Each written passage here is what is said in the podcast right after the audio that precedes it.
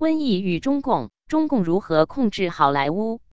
大纪元二零二零年四月七日讯，大纪元记者王锦综合报道：二零二零年四月四日，出演电影《黑暗骑士》《黎明崛起》和《异形二》的好莱坞男星杰·班迪特 （J. Benedict） 感染中共病毒武汉肺炎冠状病毒身亡。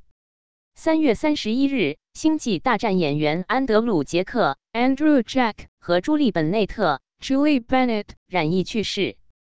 三月十六日，零零七庞德女郎、好莱坞明星欧加科瑞兰蔻 Olga Kurylenko 不幸染疫。三月十二日，奥斯卡影帝汤姆汉克斯 Tom Hanks 夫妇确诊感染中共病毒。汤姆汉克斯虽现已出院，但他在推特上说，他和妻子仍居家隔离，以免把病毒再传播给别人。至四月六日，美国确诊的中共病毒人数逾三十三万例，死亡破万人，其中均不乏好莱坞明星。好莱坞为何会被中共肺炎疫情击中？大纪元在特稿指出，病毒针对共产党而来，其扩散趋势循着与中共关系密切的国家、城市、组织和个人一路蔓延。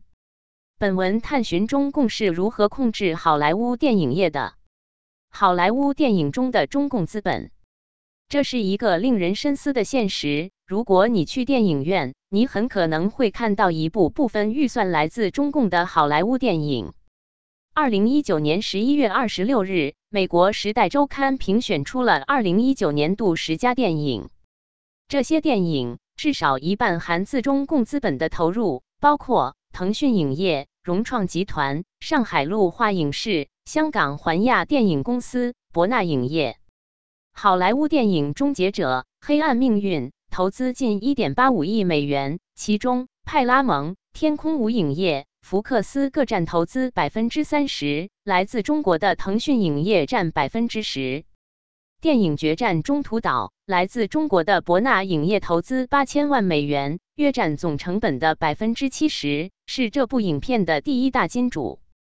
二零一四年，中国的复星影业投资好莱坞电影制作公司 Studio 八，先后对比利林恩的《中场战士》《双子杀手》两部好莱坞电影进行投资。二零一四年，奥飞影业以六千万美元参与投资好莱坞电影《荒野猎人》。奥飞影业的母公司是中国大陆最大的动漫集团奥飞娱乐。二零一四年的好莱坞电影《变形金刚四》。主控投资方是美国派拉蒙影业，来自中国的一九零五电影网投资五千万美元。二零一四年，中国的阿里影业成立后，也连续投资了《碟中谍》《神秘国度》《星际迷航三》《超越星辰》等一系列好莱坞大 IP 影片。除了参与投资，中国公司还以各种方式和好莱坞电影娱乐公司深度合作，甚至联姻或对其收购。中国公司和好莱坞的联姻。二零一二年，中国大连万达以二十六亿美元的价格收购美国第二大院线 AMC。二零一五年三月十九日，美国好莱坞电影公司狮门娱乐 Lionsgate Entertainment 宣布和湖南电广传媒股份有限公司达成协议，共同投资制作电影，并确保在中国市场上映。二零一五年四月一日。中国的华谊兄弟与好莱坞 STX 影业达成协议，即双方共同制作、融资并发行多部 STX 电影。二零一五年九月二十日，华人文化产业投资基金 CMC 和美国好莱坞最大的电影公司华纳兄弟 Warner Brothers 联合宣布，双方将联合出资打造旗舰影业 Flagship Entertainment Group，其中 CMC 控股百分之五十一。华纳兄弟持股百分之四十九，CMC 曾出品《功夫熊猫》等电影。二零一六年，继 AMC 之后，万达收购美国另一家电影院线卡麦克 Carmike Cinemas。二零一六年年初，万达宣布斥资三十一亿欧元收购了美国的传奇影业公司 Legendary Entertainment。二零一七年一月，美国之音报道。派拉蒙影业跟中国上海电影集团公司和华化传媒达成三年期的高达十亿美元的投资协议。不过，同年十一月，派拉蒙影业宣布协议取消。据称，中方承诺的资金并未到位。二零一六年九月底，大连万达和索尼影视宣布建立战略联盟。大连万达的董事长王健林，中共党员，中共十八大代表，全国政协常委，被外界称为“红色商人”。法国国际广播电台报道，王健林热衷于收购美国的文化产业。尤其是试图占领作为美国文化象征的好莱坞，显然并非出于商业考虑，而是为中共向西方国家输出中共价值观的大外宣服务。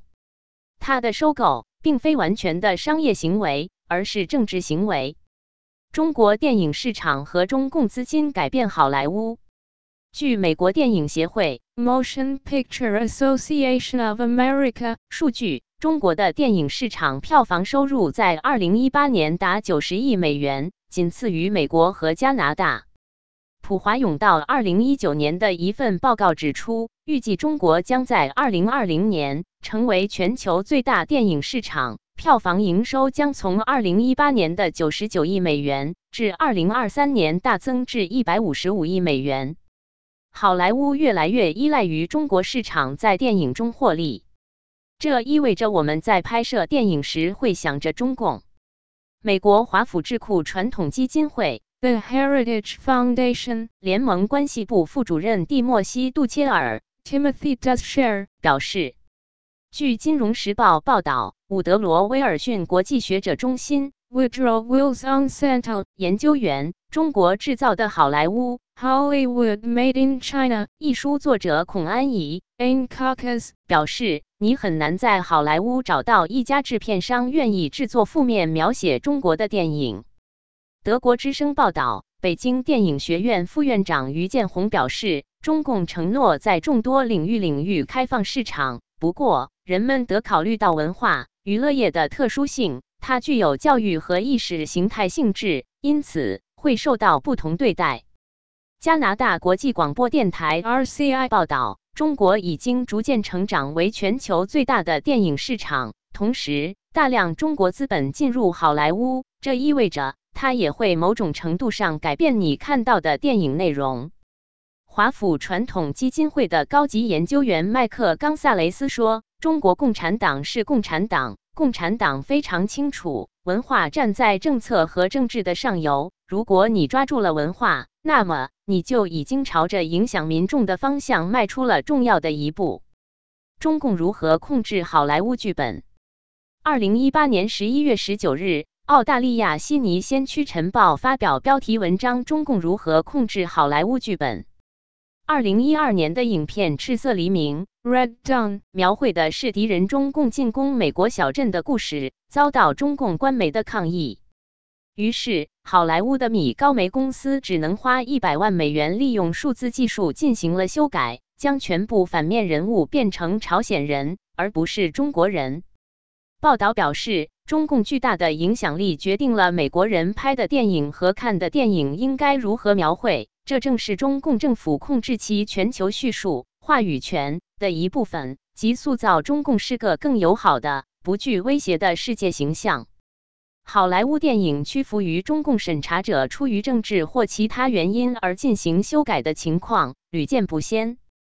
比如《零零七：大破天幕杀机》和《僵尸世界大战》。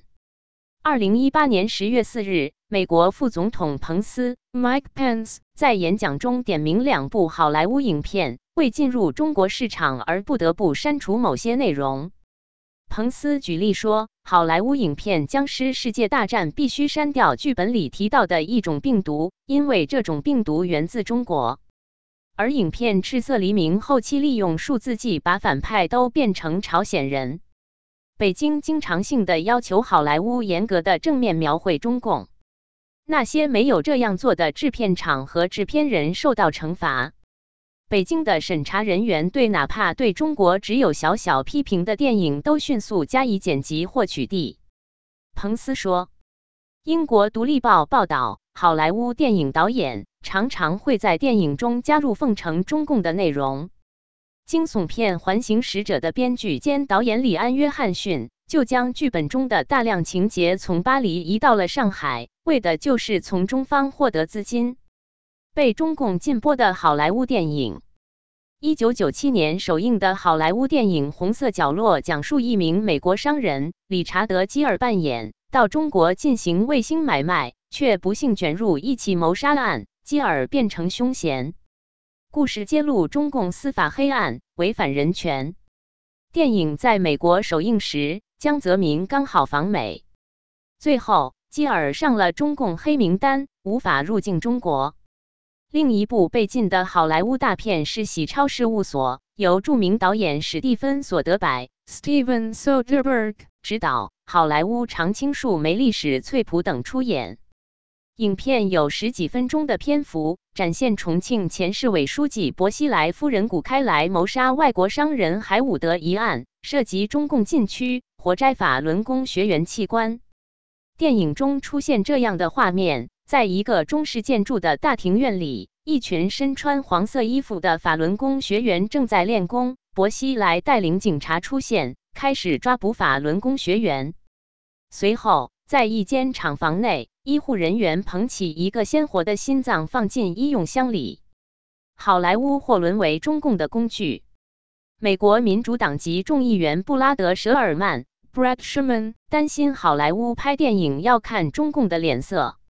舍尔曼指出，可以说好莱坞再也不会拍有关西藏的电影了。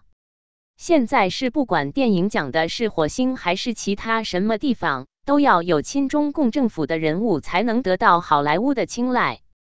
二零一九年五月二十六日，美国国会山报刊登署名评论文章，表示好莱坞明星对中共敏感问题先有发生，但也有例外，其中包括达赖喇嘛的朋友，美国著名影星理查德·基尔 （Richard Gere）。美国之音报道，基尔说，好莱坞现在更加讨好专制强权，制片厂都很小心。怕冒犯管理世界第二大票房市场的政府，对中共审查说不。被《时代周刊》评为十佳电影的《好莱坞往事》原定于二零一九年十月二十五日在中国上映，但突遭中方撤档，并遭无限期搁置。据悉，因片中有关李小龙的角色引发争议，该片的美国著名导演昆汀·塔伦蒂诺 （Quentin Tarantino） 拒绝对此作出修改。随后，美国国务卿蓬佩奥在推特发文表示，他为昆汀拒绝再次删减他的电影以满足中国中共的审查而鼓掌，包括言论自由等不可剥夺的权利不应被出售。美国驻华使领馆转推了这条推文的中文翻译，拒绝中共脱离中共是必议的关键。当下，向中共公开能说不的好莱坞导演或明星并不多。众多好莱坞电影公司不幸向中共屈服。大纪元评论员洪威表示：“这场瘟疫已经表明，与狼共舞的代价有多么高昂。无论使用什么措施，人类对这场瘟疫都显得无能为力。”大纪元特稿指出：“认清灾厄的根源，明晓中共的真相，脱离中共，拒绝中共，就能远离灾厄，不受瘟疫侵害。”责任编辑：高静。